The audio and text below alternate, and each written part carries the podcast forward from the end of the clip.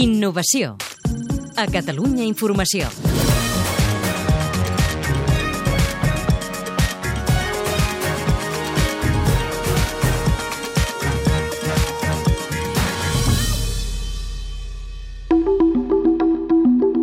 Com fer impermeable el paper.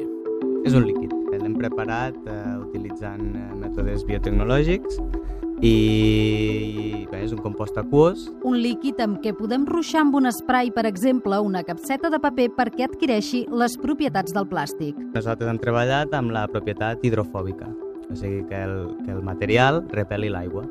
En lloc d'absorbir-la, la repel·li. La descoberta és fruit de la tesi doctoral d'Oriol Cosola del grup de recerca d'enginyeria paperera Celbiotec del campus de la Universitat Politècnica de Catalunya a Terrassa. Ja l'han patentat i, a més del paper, també es pot aplicar en altres superfícies. Estem parlant de papers, estem parlant de cartrons, teixits de cotó, teixits de lli, tot qualsevol material base cel·lulosa, la fusta inclús, li podem donar noves propietats gràcies a l'aplicació d'aquest líquid. El camp d'actuació és molt ampli.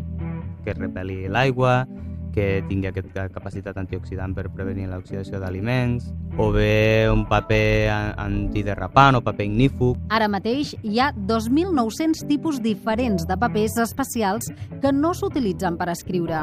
Per exemple, si li donéssim propietats bactericides o bacteriostàtiques a, al paper, doncs podríem fer apòsits per eh, ferides, inclús podríem fer papers per embolicar material esterilitzat de, de quiròfan. Si tenim un paper que repel els líquids i que és antioxidant, podem imaginar les, les típiques safates no, que trobem al supermercat perquè hi ha carn o, o peix, substituir aquesta safata, que és un, el poliestir expandit és un material molt difícilment reciclable i és un derivat del petroli, doncs per un, un paper que estigui tractat amb aquest producte.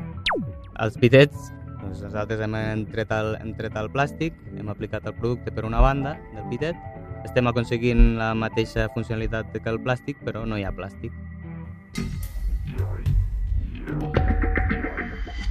És respectuós amb el medi ambient. La gràcia, la clau, és que aquest producte l'hem preparat mitjançant mètodes biotecnològics. Hem utilitzat enzims, que són eh, proteïnes naturals, que les tenim nosaltres a la boca, a l'estómac, com a catalitzadors de la reacció, i després productes naturals, derivats de la lignina, per exemple. La lignina és un dels, un dels compostos que trobem a, a l'estructura de les plantes, als arbres. I no cal aturar la producció. Quan tu estàs fabricant paper, que tens les fibres amb, amb suspensió aquosa, que es diu, s'havia de parar la producció perquè tingués lloc una reacció durant un temps determinat.